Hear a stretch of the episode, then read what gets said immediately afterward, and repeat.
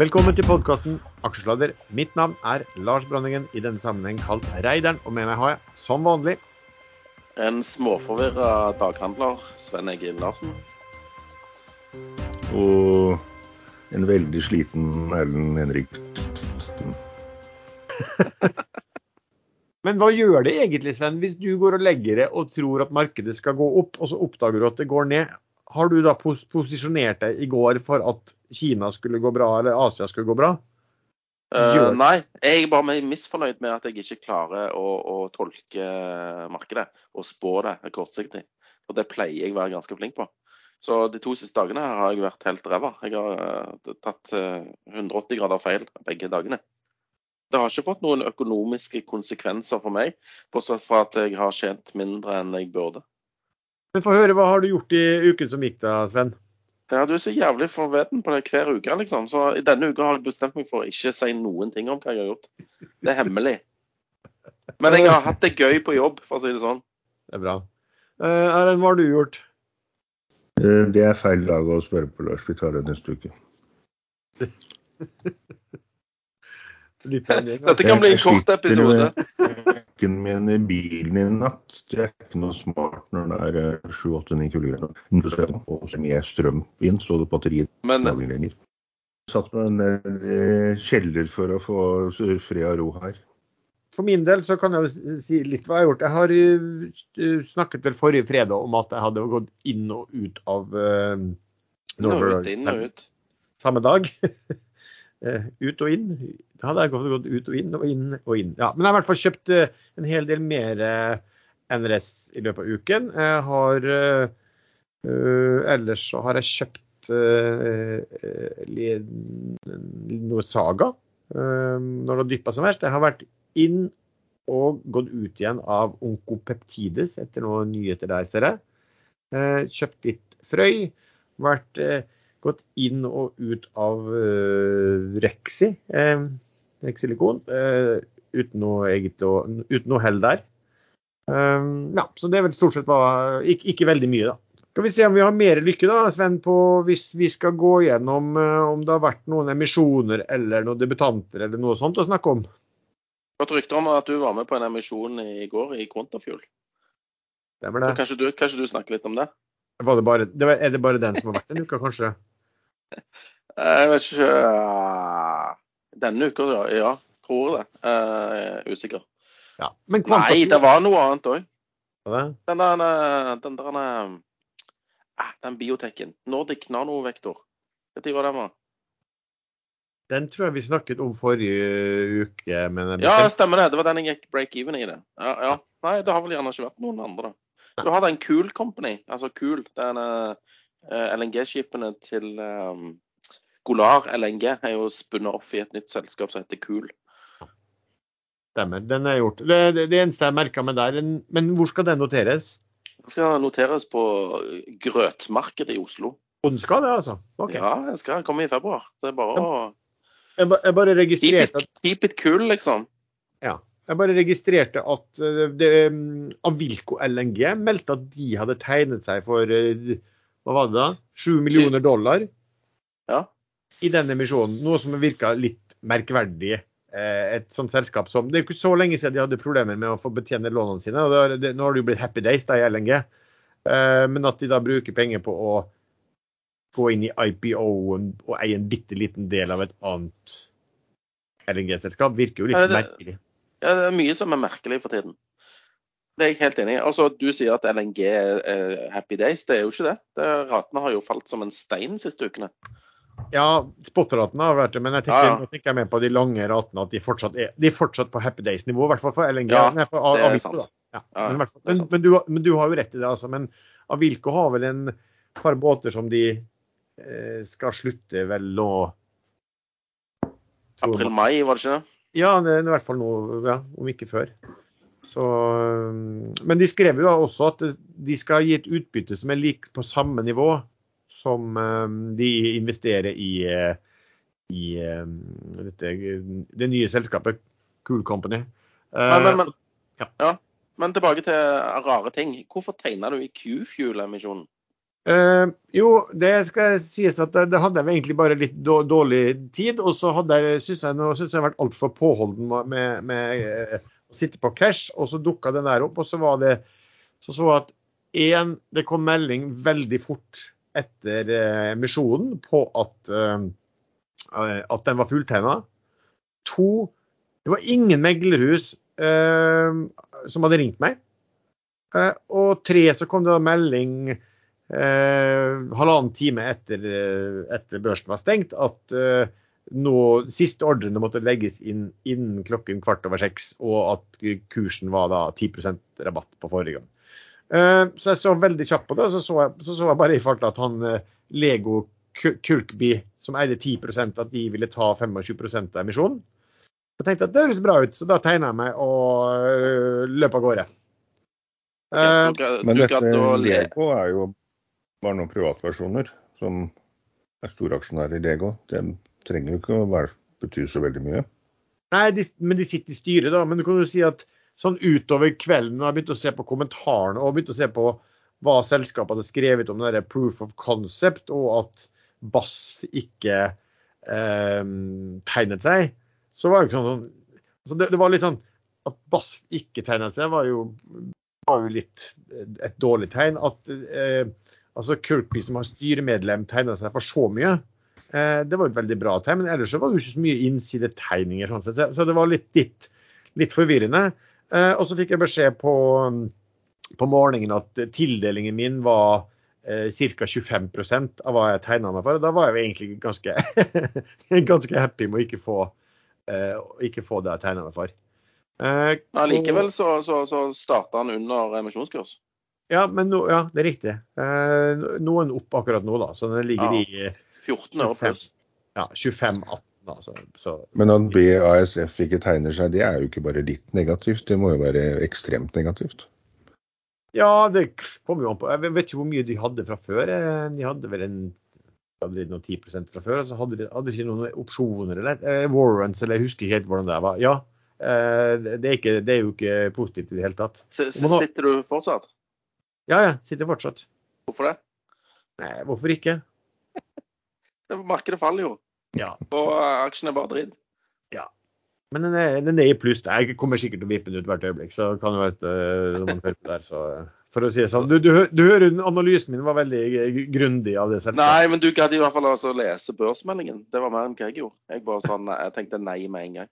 For Jeg hadde, hvis jeg hadde Men eh, hadde jeg fått med meg at Lego-Lars skulle eh, være med på sin andel og mer til, så kanskje jeg òg hadde tegna. Så godt jeg ikke godt jeg ikke leste den meldingen, egentlig. For jeg hadde jo vippa de rett ut på åpning og vært sur, sur resten av dagen. Så nå slapp jeg det. Så nå er jeg eh, kjempehappy. Ja, men noen jo pluss, nå skal du jo bli sur. Nei, det var for at du visste at du hadde, hadde åpna minus, så hadde du bare vippa rett ut, ikke sant?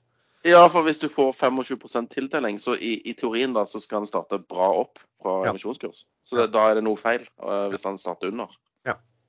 Men eh, hvordan går det med Gram, eh, Gram Car Carriers? De, uh, jeg så at jeg hadde fått aksjer der nå, men jeg har jo solgt de for lenge siden. Uh, har du de fortsatt? jeg har aldri hatt de. Tegner du ikke Gram? Nei. Nei. Vel. Sånn var det. Det, det, var, jo, det var jo dumt, det. For den kunne vel Du har vel solgt den if issued, har du ikke det? Ja, og nå er, det, nå er issued, så da er vel det greit. Um, så det blir interessant å se hva den Den kommer vel da på børs i løpet av uken, den da. Og den var ikke 11. februar, da? Eller var det før det? 11. februar var hy, Hyon. Å ja! Du Ja, kanskje mikser litt Den der. var, med, og den var jeg òg med på. Den har jeg glemt ut nå. Godt, godt, du, godt du følger med, for det gjør ikke jeg. Um, men ellers har det ikke vært noen, og det er kanskje ikke så rart da, når markedet har vært så volatilt at, at og kanskje folk har tapt pengene her og der, og at man har vært veldig nervøs. Et nervøst marked er jo ikke de beste tidspunktene å, å hente de store pengene på heller. Nei, men jeg, nei, markedet er litt rart, så det gjelder å følge med, faktisk. Eh, ellers så kan du tape eller, tape eller tjene masse penger uten at du vet det. Ja, for det her skjer altså, det som, eh, Men sånn var det vel i fjor også, at det er så ekstremt viktig at du, at du sitter i, i riktig bransjesegment, ikke sant. For det var, husker jo I fjor så var det jo en periode hvor det var altså grønt var jo helt, gikk jo helt enormt. Så har det snudd, ikke sant. Og så i år har det jo vært, eller det siste halvåret har jo vært grønt, sånn som du skal ha sky. Og mens eh, energi, oljeselskapene har jo vært veldig bra. Jeg så forresten bare sånn oppsummeringsmessig så ser jeg at eh, hovedindeksen på Oslo Børs den er sånn ca. ned ja, halvannen prosent siste uken. 3 year to date. Mens Equinor er opp 5 year to date. Det betyr jo at de andre har gjort snittgjort det dårligere. SMP 500 er nå ned på minus 9 year to date. Nasdaq er minus 15 faktisk year to date. Og, du må egentlig se på fra før jul, da de starta fallet. Og Nasdaqen er altså nesten 6% da, siste uken. Men det kan jo være at de kommer opp igjen i dag. Daxen, altså tyske, tyske børsen, er vel ned ja, knappe 4 eh, både siste uken og year to date. Så ja. Det har vært et tøft marked. Men eh, nå, nå må Erlend få snakke snart, for nå sovner han uh, øyeblikk. Vil jeg si noe? Nei, kanskje, du, kanskje, kanskje, du snakke litt om Flyr? fordi at Jeg kan ta denne med den, den short-greia mi da, og flette den inn. da, hvis du, Hva har du gjort i Flyr? Har du tatt gevinst? Nei, jeg er helt ute av Flyr. Det ble et feiltak. Feilskjær. Ja, jeg òg tapte penger der. Fordi uh, Det som skjedde, det var jo Jeg mistenker at han som, eller vedkommende som lånte de aksjene mine i Flyr, hører på aksjesladder. Fordi på mandag så fikk jeg de rett i retur.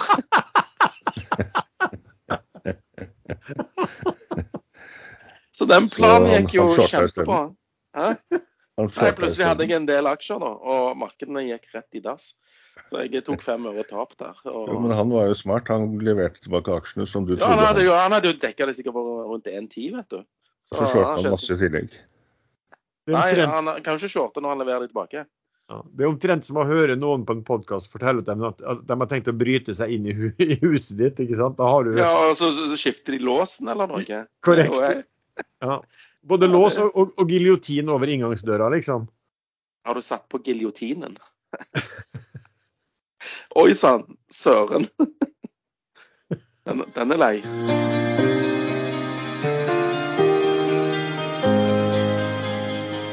Vi har fått en ny hovedsponsor en tid framover, som er Skilling. Og dette er et budskap fra de.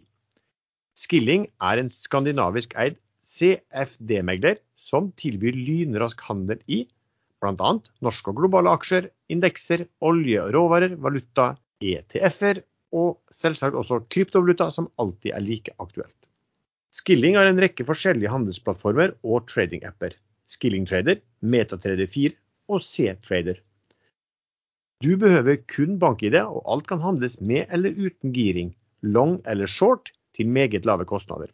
Skilling har nylig nærmest fullstendig fjernet spreads på kryptovaluta, samtidig som de nå også tilbyr kryptohandel uten giring. Spread på bitcoin er eksempelvis bare 0,5 dollar og enda lavere på de 50 pluss kryptovalutaene som Skilling tilbyr. Med i praksis ikke-eksisterende spreader og en kryptokortasje fra bare 0,1% er Skilling nå sannsynligvis den desidert billigste kryptomegleren på markedet. Dette blir spesielt merkbart sammenlignet med tradisjonelle kryptobørser med både vekslingskostnader og valutarisiko.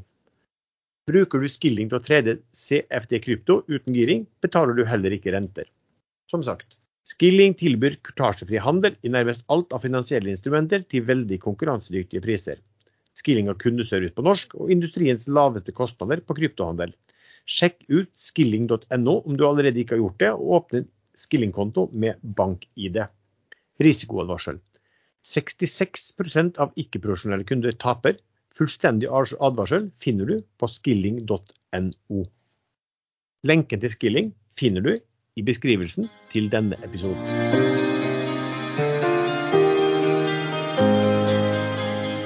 Men du Sven, eh, Uh, vi bruker jo å snakke om Fed, som du følger med på også. Uh, var du blant de som satt og fulgte med på uh, når han altså, De kom jo med beslutning. Også han Jay Powell hadde jo da en, en halvtimes, tre kvarters ja, prat i etterkant. Ja. Fulgte du med på det? Ja, jeg pleier som regel bare enten være på Twitter eller uh, ha oppe Dow Jones Newswire når dette skjer, liksom. Men denne gangen så hadde jeg faktisk benka meg foran TV-en og skrudd på CNBC. Eh, i beste sendetid i 2030. For 20.00 kommer jo rentebeskjeden, og 2030 så er det Power Live liksom from the United States. Og, og ungene liksom Hva faen er det du ser på? De var jo helt sjokka. Ser du på amerikanske finansnyheter? Hvorfor det? Da, da har de fått med seg hvordan pappa tjener penger. Jeg trodde, du var dataingeniør, pappa. Nei, jeg har sett på Farmen heller, ikke sant. Men eh, nei, så jeg så det live. Så hele, eller nesten hele kommentarene. Det, jeg så helt til han fikk spørsmål eh, fra disse folkene som fulgte med. Da gadd jeg ikke høre mer. Men eh, ja, jeg fikk det med meg. Og han pakka det jo veldig fint inn. Og statementen fra Fed var jo sånn at dette fikser vi. Og eh, balance sheet ble veldig lite nevnt, bortsett fra i et vedlegg. Der ble det faktisk nevnt til de grader. Og, og der kommer det fram at de vil vekte seg ned og kun sitte med treasuries til slutt, altså statspapirer. De vil ut av disse MBS-lånene, altså mortgage-based securities, som det så fint heter. Så, så, det tyder jo på at de faktisk har tenkt å gjøre noe med denne balansen da, etter de har begynt å sette opp renten. Så det fikk markedet til å ta en 180 der òg. Eh, til å være opp eh, etter Fed eh, beslutningen, så endte vi jo relativt uh, flatt, men ned på uh, Ja, en del av indeksene endte faktisk ned etter vært opp 3 Ja, stemmer. Altså Nasdaq snudde 4 uh, fra han begynte å prate, tror jeg, til litt etter at han var, han var ferdig. Det, det, kom jo opp en del ting, spørsmål. altså det som var helt klart, Han var ikke så veldig lysten på å fortelle om det, men det var jo helt klart igjen da, også på at, at måten stilt spørsmål på, at, at, de fleste mente at de hadde bommet så de suste på, på inflasjonssiden. Um, og, og, Han betonte jo det også, liksom at, at, de måtte være på alerten der. Men ellers var det jo litt sånn at altså, de ville jo ikke si så mye om rentebaner, og du ville heller ikke si så mye om, altså, i takten på at den balansen skulle reduseres. Uh, det var mer sånn at uh, vi må ta de avgjørelsene ut ifra altså, når det kommer data. Det sånn, men det er jo litt sånn tegn på at de, de, de har bomma så mye på eh, når de gikk og fortalte noen ting om den framtidige inflasjonen, at, at, nå har de nesten ikke lyst til å si noe som helst eh, ja, før de gjør det.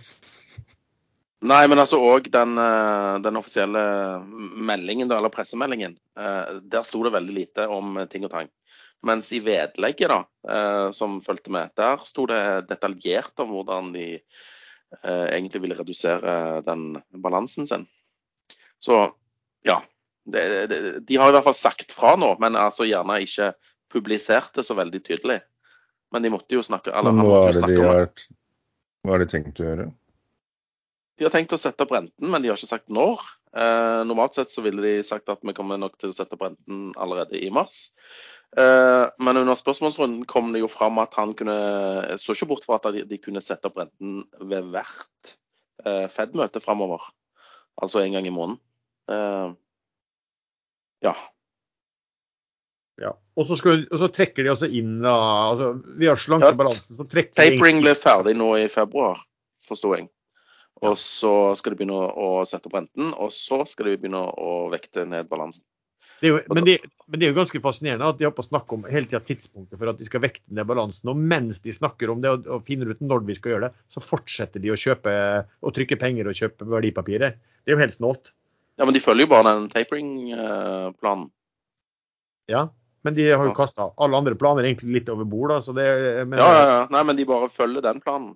Ja, det, de, altså, de er jo ikke dumme. De vet jo at dette kan skape litt uh, urolig uh, finansmarked, som vi da har sett de siste ja. ukene. Så det er jo en grunn til at de vekter sine ord her. Ja, ikke sant.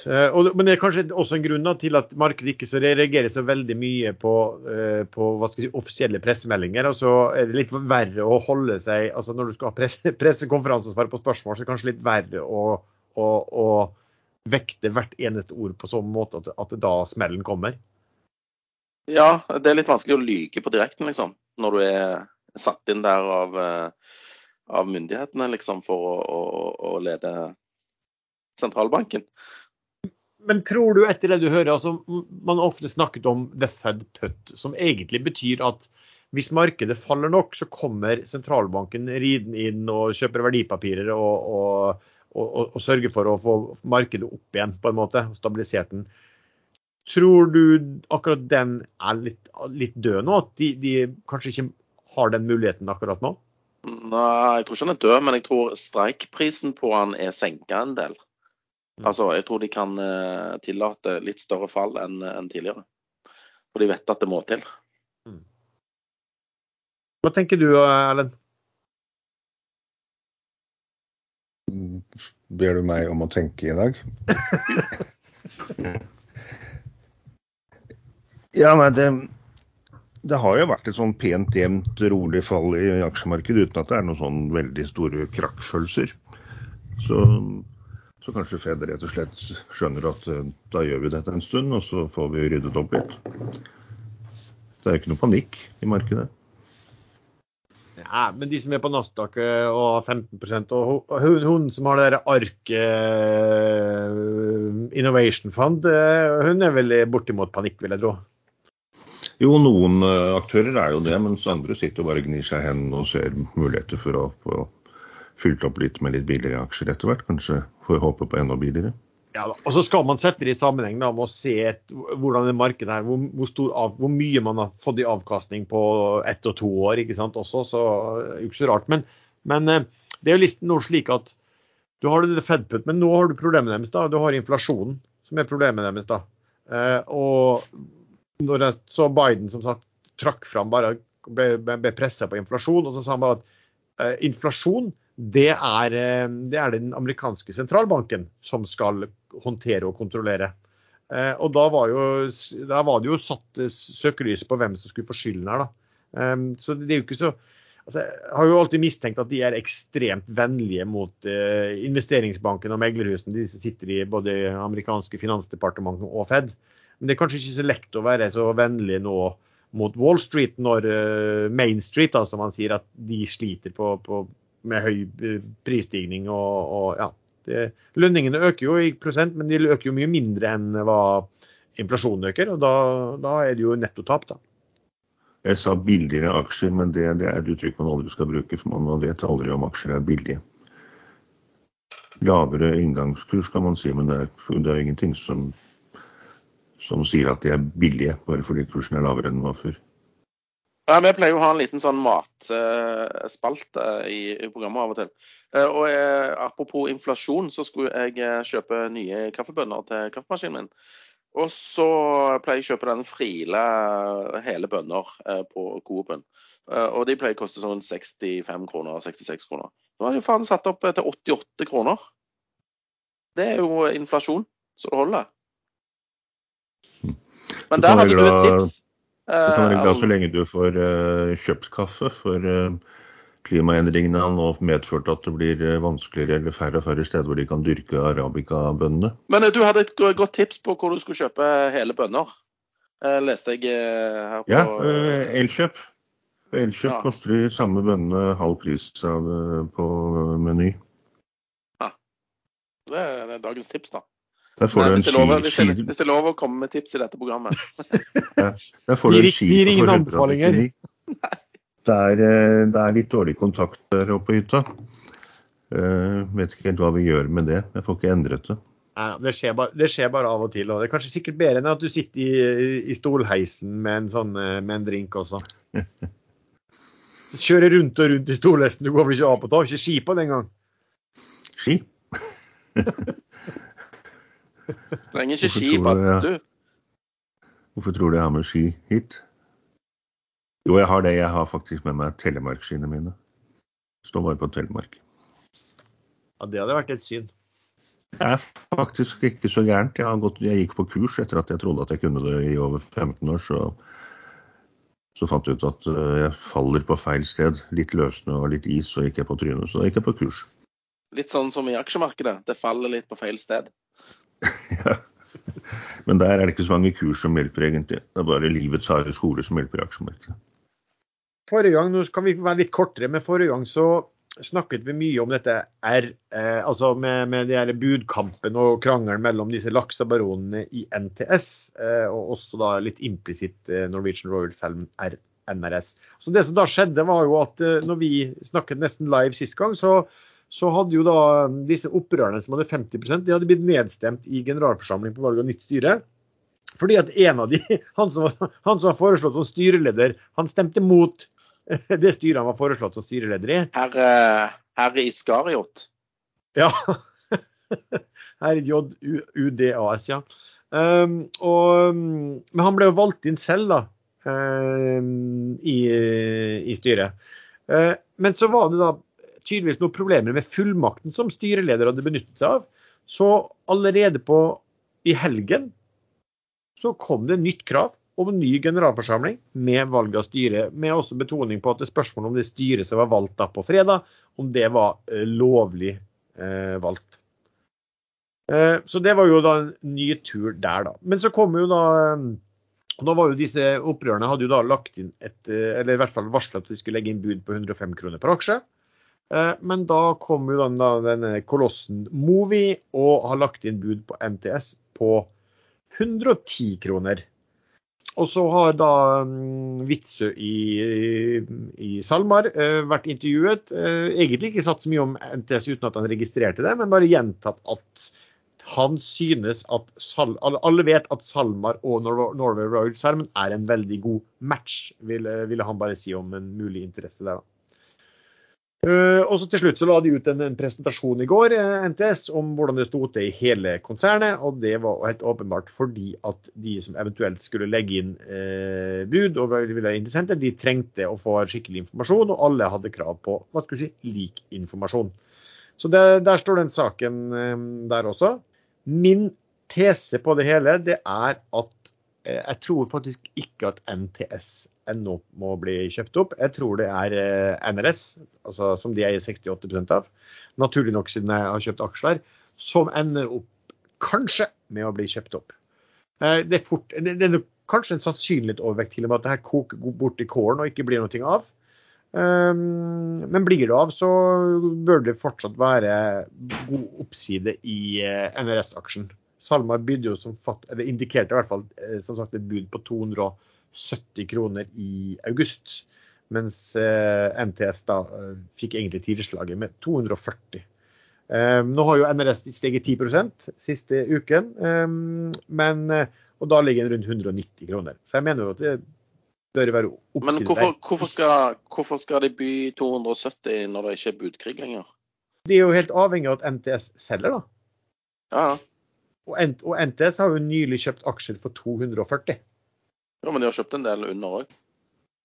Nja, de har vel ikke kjøpt i markedet noen ting. Eh, fordi at NTS fusjonerte jo med dette eh, selskapet til Gåsø i sin tid. Og Gåsø hadde vel disse MRS-aksjene eh, med seg.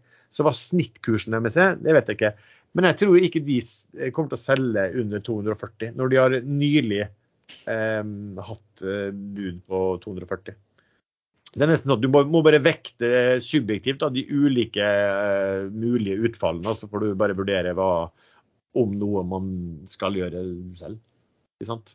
Vi snakker, snakker om noe annet nå. Yes.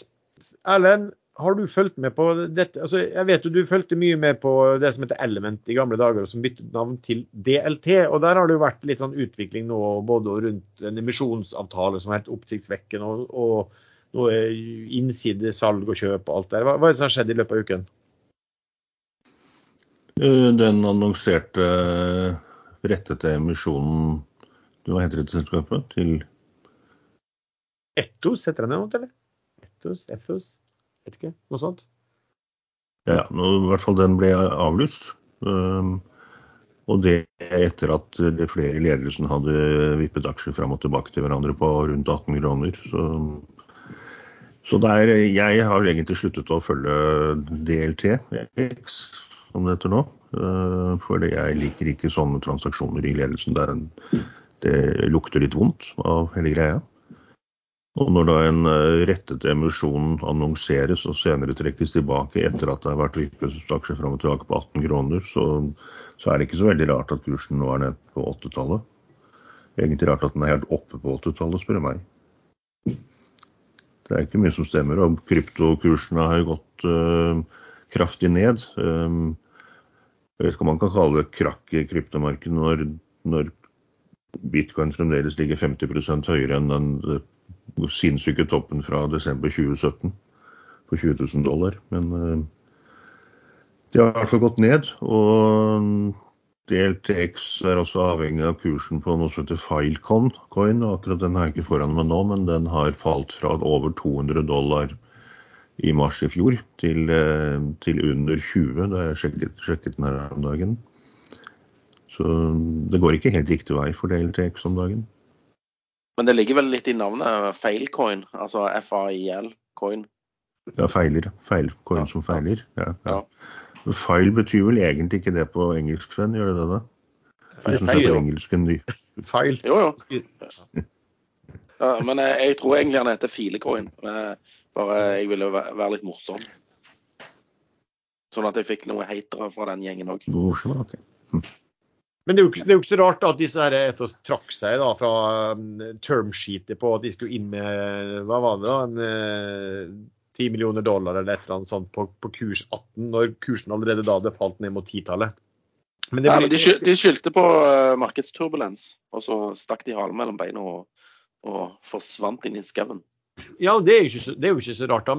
Den, den rare her er jo da at i samme, altså når det termsheetet ble signert, så solgte da altså han som var CEO, han solgte masse aksjer til uh, han som var styreleder.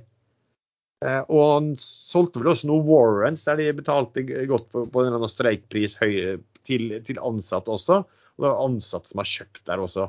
Så ja, ja. Eh, det, er, det, er noen, det, er, sikkert ikke en lystig stemning mellom, mellom disse her aktørene. Så sant ikke alle disse transaksjonene da blir reversert. da. Ja, det er mye rart som skjer. Sven, har du fått med deg alt dette her rundt PGS har jo nå stupt i markedet to dager på rad. Eh, kan du liksom fortelle kort eh, hva er det som har skjedd der som, som, som gjør at du har fått det dramatiske fallet? PGS pleier å gå konk med sånn 20 års mellomrom. Eh, jeg husker jeg gikk på skole i USA i midten av 90-tallet, og da var PGS notert både i Oslo og New York. Og da gikk de konk. Eh, og så gikk de vel konk igjen eh, 20, 20, år senere, og så nå er det Nei, det er vel eh, har, de, har de ikke gått konk en gang til på tidlig 2000-tall? Eller er det jeg som Men TGS-sjefen sa vel en gang Var det ikke TGS-sjefen som en gang sa at de skulle holde liv i SPX og PGS så lenge de trengte dem? Ja, fordi de trenger båter. PGS har jo ikke båter. Nei, eh, PGS har jo kommet med tall nå, da, eh, og de var dårlige. og så, så Alle analytikerne kutter kursmålet fra, eh, fra ned til én eller under én. og ja, De spår en fullstendig restrukturering. Selskapet har for mye gjeld. Det de skulle gjort, tror jeg, det var å takke ja til TGS sitt bud på multiklient-biblioteket for noen år siden, på 600 millioner dollar. Hadde de fått uh, altså Fasit blir det samme, aksjonærene får ingenting. Men uh, de som har gjelden, får i hvert fall noe. Jeg tror, jeg tror, de har en sånn, har de, de, har vel en milliard dollar i gjeld eller et eller annet sånt, eh, PGS på, på, de båtene. Og så nå varsla de vel, En ting var vel resultatet, men så varsla de vel at eh, slik det da så ut, så vil de ikke være i stand til å betjene etter avtale det, det lånet i, utover i 2022. Og så skrev de også at de allerede hadde begynt en diskusjon da, med eh, långiverne. Eh, som jo man gjerne tenker på at eh, her blir det type ja, restrukturering og, og, konvertering av lån og alt der, og da, da smeller det rart. Så eh, nå så jeg bare Pareto kutta kursmålet i dag eh, fra 3 til 1 krone. Fearnley kutta fra 5 til 1. Barclays fra 10 til 3. Seb, som har vært frampå før, de kutta fra 1 til 0,5 og Danske Bank fra 2 kroner til 1 krone per aksje. Men, men han der Seb-analytikeren, hvorfor gidder han? Å kutte fra 1,5? Bare. Bare for at han uh, har bestemt seg for at han skal ligge lavest? At, ja. han skal vinne, at han skal vinne, liksom? Ja, altså det kan jo være at han, han, du får litt ekstra oppmerksomhet på den. da. Og, ja, ja. Han vil bare i avisa. Ja, men det han egentlig viser, er jo at det var jeg som hadde rett av disse. Å ja, det han prøver på? Han, ja, han, han, han, trenger sikkert ikke fått, Sikkert fått kjeft hele oppveksten, og nå vil han ha ros. Han, han, han er den eneste som ikke nedgraderer, for han hadde allerede salg, og, de, og han hadde allerede fra før én krone. Ja, det har jeg òg lurt litt på. Hvorfor finnes det strong buy og buy, men det finnes ikke sell og strong sell? Det finnes jo selv. Ja, ja, men eh, hvorfor finnes det ikke strong sell? Ja. Altså døm. Men det er jo bare tull å sette kursen på én krone. Hvis det blir restrukturering, så blir jo den restrukturering på ti øre. Alle vet jo det. Det er 400 mill. aksjer i PGS, da, så på én krone så vil det jo være priset til 400 mill. Eh, hvis det, det blir nivået. Så vi får vel se. Men, eh, men det hjelper jo heller ikke at en dommer i Texas finner ut at han skal stoppe lisensrunden i Gulf of Mexico pga. miljøhensyn. Det er derfor TGS er ned eh, 10 i dag. Ja. 11 faktisk. Mm. Da var han der 12-13. Ja, den var nede i 86, så jeg, for jeg satt, og så på Oi, den like, 86. Ja, jeg så på den like før sending og, og tenkte rundt på Da var han rundt 90, og fant ut at oi, egentlig, det var litt fristende å kjøpe på, men eh, Ja, jeg òg tenkte det. På 89. Det var på vei ned da, men heldigvis så glemte jeg det. Eh, eller dumt at jeg glemte det. Men jeg hadde jo sikkert solgt på 86 da, på stopplås. dumpa ut da. Nei, for da, da altså det en sånn stor lisens, det var en veldig stor lisensrunde, eh, som i hvert fall nå inntil videre blir utsatt. da. Når er det eh, folk i Texas har begynt å tenke på miljøet? Ja, var det i Texas der? Jeg trodde det Det var, var ikke Texas. Det var Louisiana. Nei, jeg tror at det var noe at Luciana hadde godkjent det før, men nå var det en i Washington som hadde etter han hadde sagt at det var ikke hensyntatt nok miljø og, og karbonutslipp og alt det der. Det Hørtes helt vilt, vilt ut. Men, men det er jo sånn at altså, alle disse Når det kommer sånne lisens da, på sånne store blokker, så er det jo gjerne sånn at disse her, um, seismikkselskapene har jo ofte ja, enten kan vel jo sikkert ha skutt seismikk der i forkant, eller i hvert fall, da får de i hvert fall masse oppdrag da, på å skyte seismikk. Eh, Eller, eller, gjør, eller skyte selv og selge det som multiklient. Og, og det er klart at Hvis de blokkene ikke kommer ut og blir forsinket, så blir jo da ja, inntektssiden derfra også forsinket. Det er vel det i hvert fall man ser på, på TGS i dag, som er ja, ned, ned 11% Erlend, du, du er ikke frista, altså du som liker de her eh, Jalla og alt dette her eh, og den type aksjer. Du er ikke noe frista på, på PGS? PGS blir jo veldig interessant når restruktureringen er vedtatt. Da blir jo det et vakuum-case. Når man vet at de da ikke konker, og de må ha noe generalforsamling og kursen blir tatt til ti øre, da går kursen sikkert til ti kroner. Hvis den fremdeles er pen. Jeg leser her at domstolen var i Washington, så jeg trekker tilbake det jeg sa om eh, Texas. Der er det business as usual. Jeg leser òg at dommerne er er medlem av MDG. Skal vi ta et annet eh, selskap som har falt eh, kraftig, og som kanskje kan være litt sånn eh, illustrerende for en bransje? Eh, Erlend, du bruker å følge med på biotek. PCI Biotech har jo fått seg en skikkelig smell eh, i det siste, og, og hvorfor det? Jeg mener det var i forrige episode hvor en, et intelligent panelmedlem fortalte om den undervurderte risikoen i biotek-aksjer, at det kan faktisk komme konkurrenter på banen. Spesielt når ting tar veldig lang tid. Og det skjedde. Det kom eh, Det ble for så vidt meldt allerede i høst, tror jeg, før jul, at en konkurrerende selskap hadde store forhåpninger til, eh, til noe de skulle komme med.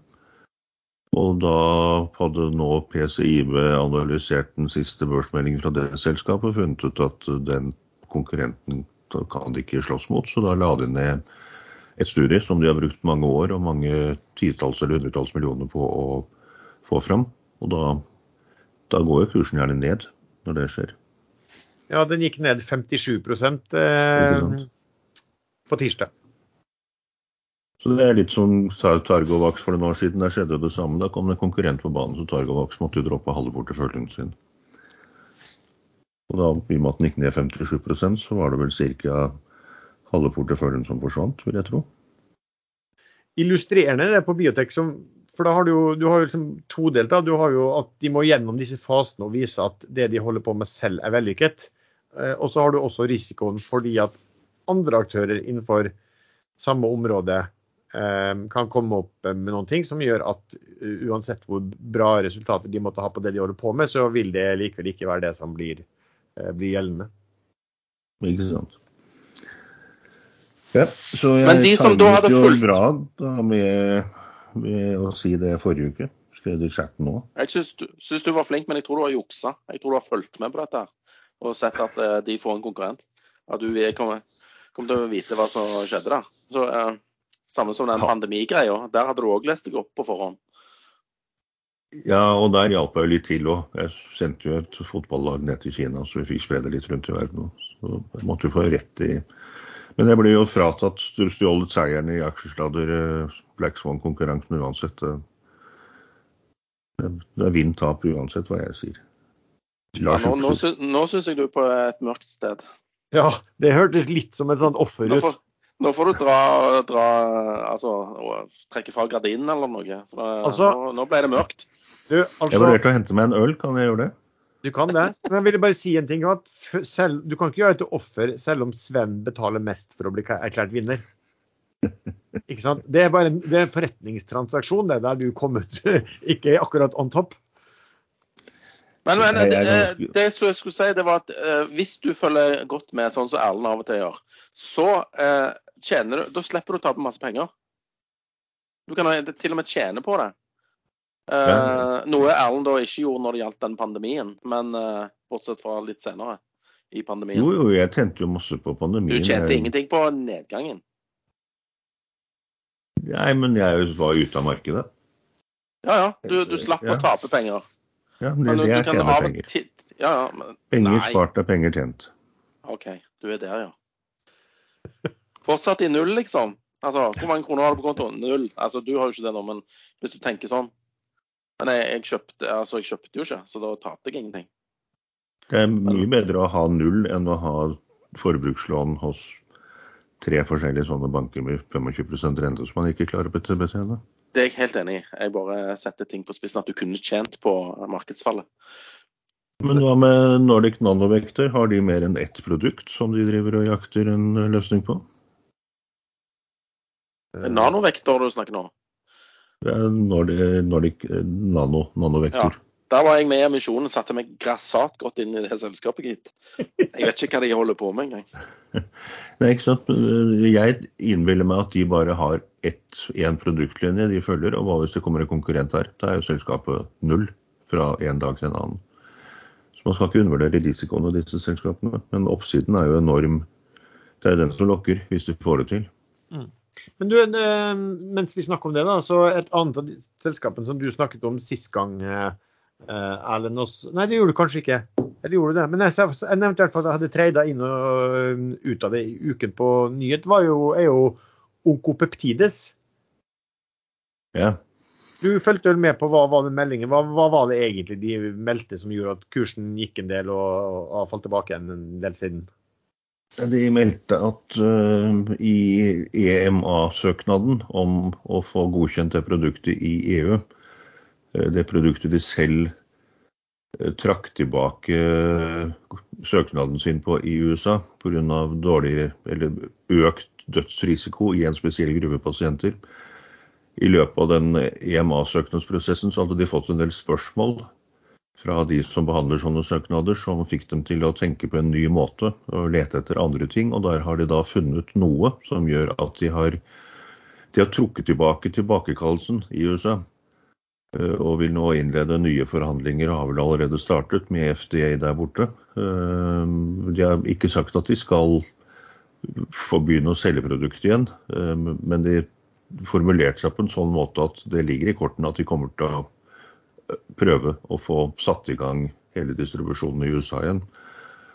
Eh, Men sånt tar tid, og den EMA-godkjennelsen den kommer ikke før i sent Q2 i år. Dvs. Si da i løpet av juni, antar man. Eh, Og da er jo spørsmålet skjer det noe særlig før det. Det har en eh, generalforsamling eh, eller kun er Q2. Q4-presentasjon i februar, 17. februar, tror jeg det er. Så da kan det jo komme noen news rundt det. Så jeg har eh, kjøpt en del av den aksjen, og har faktisk snitt 1,80 krone over dagen, så det er jo et voldsomt tap. Men da har jeg valgt å se bort ifra den 3 eh, makstap-regelen, min egen, at jeg da dumper ut hvis den faller mer enn 3 fra en gang, fordi oppsidepotensialet er enormt hvis det kommer noen bekreftelser fra Hongkong. 8, Den kursen lå jo på over 200 kroner og falt til 350 fordi man trodde at hele case var dødt. Nei, den, hadde, den, hadde, den hadde, falt ganske mye før denne tid også. Mm, sånn ja, men det lå vel litt i kortene at det var et eller annet som skjedde, tenker jeg. Men den hadde falt ned til 100, og så plutselig var den på 40, og så var det 20, og så var det 350. Ja. Det er riktig. Det, det er så Men de har eh, 3, et eller annet milliarder svenske kroner i fremførbart underskudd. eh, Og i Sverige er det mye lettere å overta et sånt selskap enn det er i Norge. Det trenger ikke være samme bransje engang. Så, og da kan man anslå verdien av et sånt underskudd til et eller annet sted mellom 15 og 20 litt avhengig av hvor enkelt det er for selskap som eventuelt overtar å bruke underskuddet. Ja, men det er, vel, det er vel en teoretisk verdi. Og så skal du ha ganske fet rabatt på en teoretisk verdi av et framførbart underskudd også. Ja, men det er, den det, teoretisk verdien er jo skattefordelen, og den er jo, jeg husker ikke skatteprosenten i Sverige, men den er godt over 20% Så den teoretiske verdien ligger på fem, mellom 15 og 20% avhengig av hvor fort og hvor enkelt et kjøpende kjøpende selskap kan bruke Ja, ja. det. Ja, Og så må du ha rabatt på den, eh, ganske stor rabatt på den, i hvert fall 50% mer enn det også på den verdien normalt. Kommer litt an på. Men eh, jeg så faktisk jeg, mener at, jeg mener at det er mellom 15 og 20 de vil få hvis det blir solgt øh, på rot, som det er nå. Men det, det ligger nå i kortene at det ikke vil bli solgt. At de vil fortsette. Og de har også en annen portefølje som de jobber med ved siden av, og de har redusert kostnadene veldig, ganske kraftig. Så de sier selv at de har penger, i hvert fall til EMA-godkjennelsen i sommer. Altså, den, den står faktisk høyt oppe på watch-listen min også, Erlend. Og det er fordi at jeg så også at han som var styreleder der, som sitter i Han sitter i du vet G-led, og han sitter i, flere sånne eh, og hadde høye stillinger i Merck og alt der. Så tydeligvis så kan han kjøpte aksjer for tror jeg, ca. 1,5 millioner eh, for ikke så veldig lenge siden. Da var kursen 7,5, da. Men, altså, han la ut en del beløp. Men så kan du til gjengjeld si at ok, kanskje ikke man skal bry seg veldig mye om, for han, han brukte samme beløp på å kjøpe, kjøpe på 100 for ikke så veldig lenge siden heller, så, og det er jo ikke gått så bra. Men at, at, at han kjøpte i hvert fall på i en sånn situasjon, det er jo et, eh, det er i hvert fall tegn på at, på at det ikke er noen sånn kapitulasjon eh, internt, i hvert fall. Men her er det jo et produkt som allerede er salgsklart, som kan legges ut i hyllene med en gang EMA godkjenner. Så det er ikke en drøm om noe som kanskje kommer om noen år. Det er et konkret produkt som, eh, som har høyt potensial, bare de får godkjennelsen. Så det er fremdeles risiko, men jeg mener at det er vesentlig mindre risiko i et sånt selskap enn i noen som forsker på noe om å ha 140 pasienter på en langtidstest, eh, som gjerne ikke er det siste bekreftelsen heller. Det er litt sånn som å spille poker av og til. At du kan, du kan spille på, på, eh, på ting som eh, Der du kanskje ikke er størst sannsynlighet for at du vinner, men hvis du spiller litt sånn fornuftig altså Gevinsten er stor, da. Eh, hvis du treffer. Så du må liksom bare vekte hva de ulike tingene er. Litt som jeg snakket for NRS. Er det klespoker du snakker om nå, Lars? Hva da? Er det klespoker du snakker om nå? Nei, der er ikke det all in med en gang der, da. Der, er- der er det ikke mye vekting, for å si det sånn.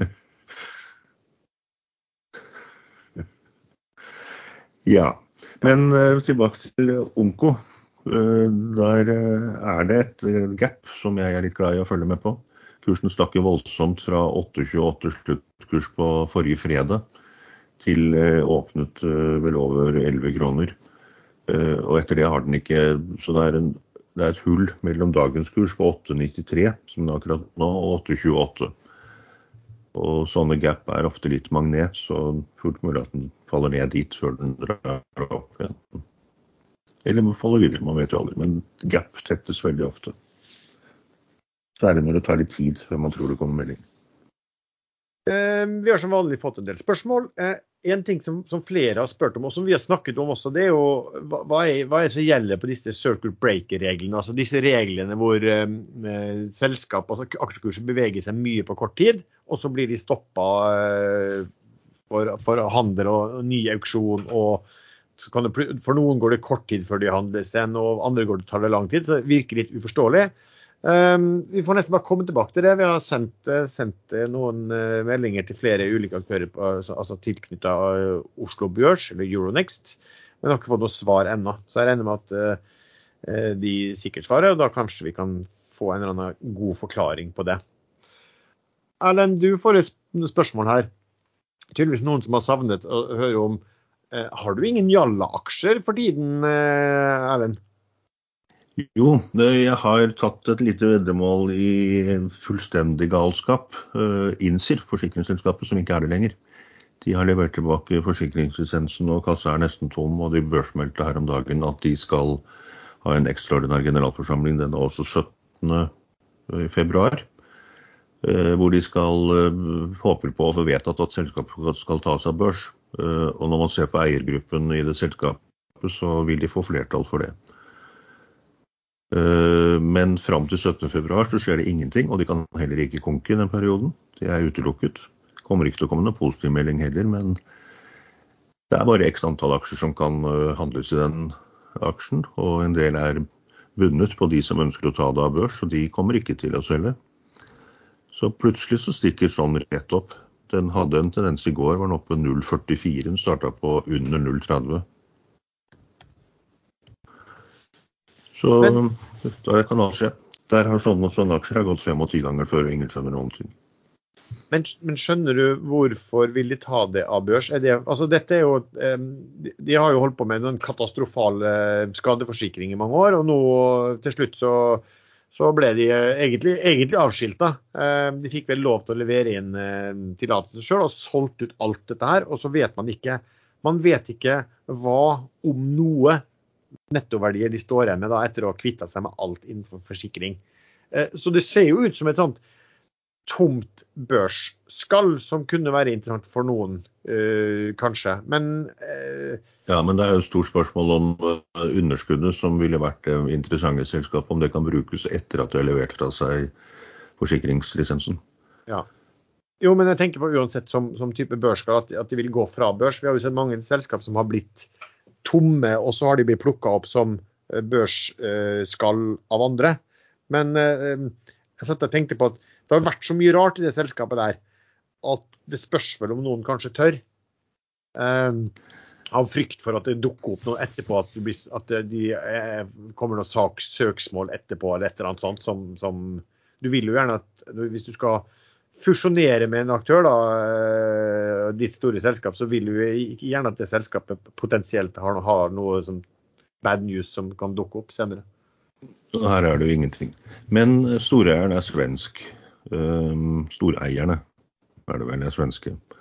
Og I Sverige er det helt andre regler på bruk av fremførbart underskudd. Nå vet jeg ikke om de i Sverige kan bruke et norsk underskudd, men jeg vet at i Sveits så kan du bruke underskudd oppstått i Sverige. For det var jeg selv med på å selge en gang i gamle IGE til et sveitsisk selskap som kjøpte et datterselskap i gamle IGE, Nickel Mountain Group, for eh, en slik og ingenting. Fordi de kunne faktisk bruke underskuddet.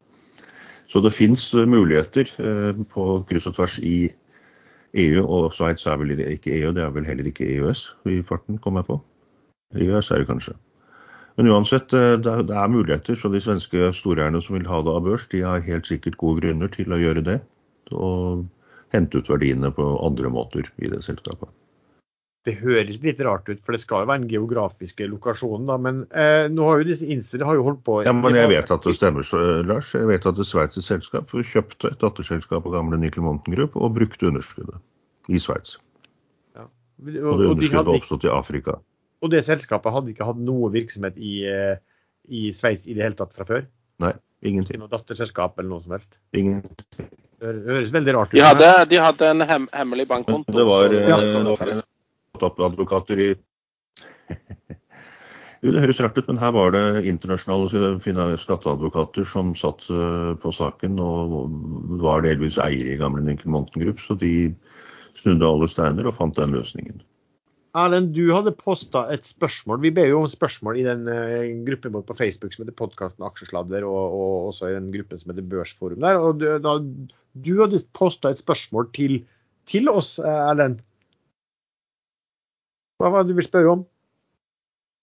I og med at jeg nok har skrevet det i natt eller noe sånt, så tror jeg nok det var om man ikke kan gi en stakkar eh, fri på en, på en sånn dag.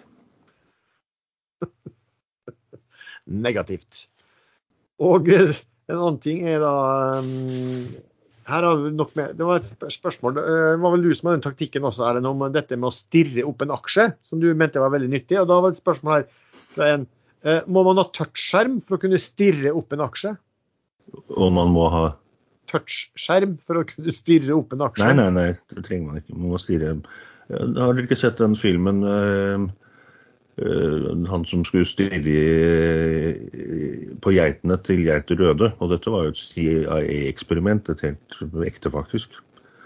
George Clooney han skulle da stirre på en geit til den døde. Han klarte ikke det. Hvis jo, han klarte vel på slutten av filmen. Så stirre opp aksjer kan du gjøre helt uten touchscreen. Så har vi fått spørsmål om Petronor og godkjennelse av Adje-feltet. Ja eh, Du kjenner jo litt til det feltet. Altså, um, her, skal de, her skal de jo satse på å utnytte gassen på dette feltet inn mot uh, Nigeria. Um, hva det betyr, ja, det er helt umulig å si. det Adje-feltet. Det har vært mye fram og tilbake, og de har venta på godkjennelse i veldig lang tid. Det er vel sånn at Panoro selger dette feltet, da, eh, eller eierandelen sin, til uh, Petronor. Og får betaling i Petronor-aksjene. Og så skal disse Petronor-aksjene i henhold til Panoro, om jeg husker riktig, gis ut til eh, Panoro-aksjonærene. Så Panoro-aksjonærene får Petronor-aksjer ved, ved salg av det feltet. her. Hva som vil skje der? Det er jo gass, da, og gass er jo mye mer, blitt mye mer interessant. Jeg leste senest i dag en artikkel i Financial Times om liksom boring og leting og alt dette her, og, og at de, Big Oil var mye mer keen nå på, eh, på gass, ettersom det eh, var større sjanse for at de feltene var, ble mye mer langvarige. Og, og ble oppfatta som mye hva skal si, mer, mer miljøvennlig da, enn å bore etter uh, olje. Så det blir, uh, det blir spennende også et spørsmål, det her er faktisk om NTS dessverre, men det skjer et spørsmål. Hva skjer med datterselskapet Frøy om Movi kjøper NTS? Ja, si det. Uh, Movi har sagt at de ikke er en del av kjernevirksomheten, så hvis de kjøper det, så må du anta at de vil selge det. Ok, Er det noe mer eh, dere har lyst til å ta opp eh, og snakke om før vi hører om dere har noen favoritter for uken? Jeg regner med at du, Sven, ville være veldig taletrengt nå, men kanskje ikke, nei. Eh, Sven, hva, hva er det du spesielt uh, ja, har som favoritt eller ser på i kommende uke? Uh, favoritter neste uke, ja. Uh, nei, jeg er fortsatt i Aega, selv om jeg solgte litt. Så har jeg også kjøpt tilbake litt lavere. Eh, men det er ikke sånn ukescase. Uh, jeg har kjøpt aksjer i noe som heter Fusion Fuel Green Limited, eller et eller annet sånt. Eh, jeg vet ikke om dere har hørt om det før, men det er noe irsk sånn eh, hydrogenselskap som har bare falt og falt og falt og falt. Og falt og falt. Og så falt han litt ekstra i går. Så da kjøpte jeg i går, eh, fordi at har falt så mye.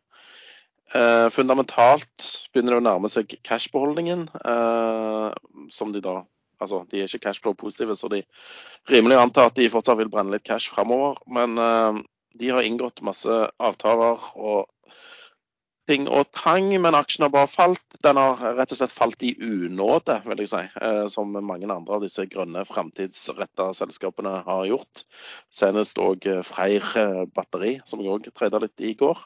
Men eh, jeg har tatt HTOO for en eh, rekyltrade. Ikke noe mer enn det, for jeg syns at sentimentet i disse aksjene her er helt forferdelig fortsatt. Men eh, av og til så, så spretter døde katter òg, har jeg hørt. Ellers har jeg, ellers har jeg veldig lite. Ja. men trader du masse hver dag, liksom? nå? Ja, altså jeg trader mye sånn eh, Altså ekstreme bevegelser hvis noe faller veldig mye. Eller hvis noe stiger veldig mye, så går jeg gjerne imot. Eh, Jeg har òg en del i denne FLNG. Det er en helt sånn merkelig aksje. Jeg traff perfekt på bunnen der på jeg tror det var 16,5 dollar, og når han uh, slutta på 21,5 i går. Så er helt crazy banana, den der aksjen. Altså, det, i, USA eh, er han veldig crazy, så norske dilter jo etter, da. Ja, men, men, men hvilken kurs er det som følger hvilken, liksom? Av hvor er den omsettes med? Eh, ja. Det det er faktisk et godt spørsmål. Jeg, av og til så er det ganske lik omsetning. Men jeg, jeg føler at det er USA som vil ha den opp, mens Norge selger den ned. Jeg vet ikke, men eh, det er tydeligvis noen euforiske amerikanere som vil Eller de trenger ikke være amerikanere, men det er i USA at den stiger, og så faller den litt her. Så den er, den er ganske moro, faktisk. Men en, en annen aksje som jeg har eh, Jeg har sett på han lenge og har tradet han uh, av og til. Illikvid faen. Uh, det er Noreco. Hvor lenge skal Noreco ligge der i dette uh, Hva det heter for noe? ikke et vakuum, men det ligger helt død, mens alt av olje- og gassaksjer fyker i været. Nå er det jo sånn at denne Tyrafeltet ikke er ferdig før, i, før neste år, men allikevel. Pleier jo, markedet pleier jo å være i forkant, så kanskje Noreco er noe å følge med på. Men han er illikvitt som faen. Det er, vel, det er vel, sånn at uh, er ganske mange som uh, fortere, altså de holder på å bygge ut dette, dette, feltet der, og så er de alltid redde for at det skal komme en eller annen overskridelse? Sånn, Kost, kostnadsoverskridelse, ja. Men nå, nå, kommer jo de eh, bitene faller jo på plass her nå uten kostnadsoverskridelser så langt. Så det er jo, det er jo ikke umulig at uh, dette kan gå bra. Ja. Men det er jo litt rart hvis de gjør det. Ja. Men, men, er det, men, er det, gass stort sett det er på det feltet, eller? Ja, det er gass, ja. ja. Og det er jo på Og Europa teller jo ja, Europa trenger litt gass, har jeg hørt. Og at det ser ut som EU vil definere det som mer Til og med miljøvennlig, kanskje? Jo, jo, men ikke bare det. Europa trenger jo gass, og de vil ha gass fra Russland. Og hvis Russland plutselig blir sure, så er det jo kult med gass, eh, lokalprodusert gass, liksom. Erlend, du, har du noe spesielt eh, du ser på? Uh, ja, jeg ser på kjøleskapet. Nei, jeg gjør ikke det. Um, det. Har du, har du, har du, du, ble mye mer veltalende for litt siden. Jeg vet ja. ikke om, uh, om, du har smurt strupen, eller hva? Nei, jeg må, gå, jeg må, gå, opp en hel etasje for å finne en kald øl, og det er litt slitsomt. Så, ja. Du kan jo, du Nei, kan jo krype. Jeg har snakket om Onko, og så nevnte jeg Insum, men dette, det, det, er ikke noe noen må finne på å kjøpe. Det er uh, så om tre uker så er de ute av bort av børs. To uker. To og en halv. Så, men plutselig så er det en eller annen galing som tar tak i den. Eller motsatt. Går rett i kjelen. Eh, Nordic Mining, der har han Vestre kommet med litt uh, Næringsministeren kommet med en litt uttalelser om at han har ikke dårlig tid i det hele tatt. Uh, han skal bruke god tid på å komme med endelig avgjørelse. og det, det likte ikke kursen. Ikke sånn veldig stort fall, men men forhåpningene om en rask avgjørelse uh, på klagesaken, den uh, ble satt litt tilbake. Så den har jeg ikke akkurat nå. Men det ligger rundt fire kroner, så det er ikke noe voldsom reaksjon ned. Men ting tar tid. Jeg tror fremdeles at vi vil få full godkjennelse, og at det faktisk blir en gruve i Engebøfjellet. Og så blir det lenkegjeng, og så blir det politiaksjoner, og så blir det MDG og SV-politikere som går ut og sier at fy, fy, sånn skal vi ikke gjøre i Norge. Det må vi heller gjøre i Kongo. Men, men, det har jeg snakket om før.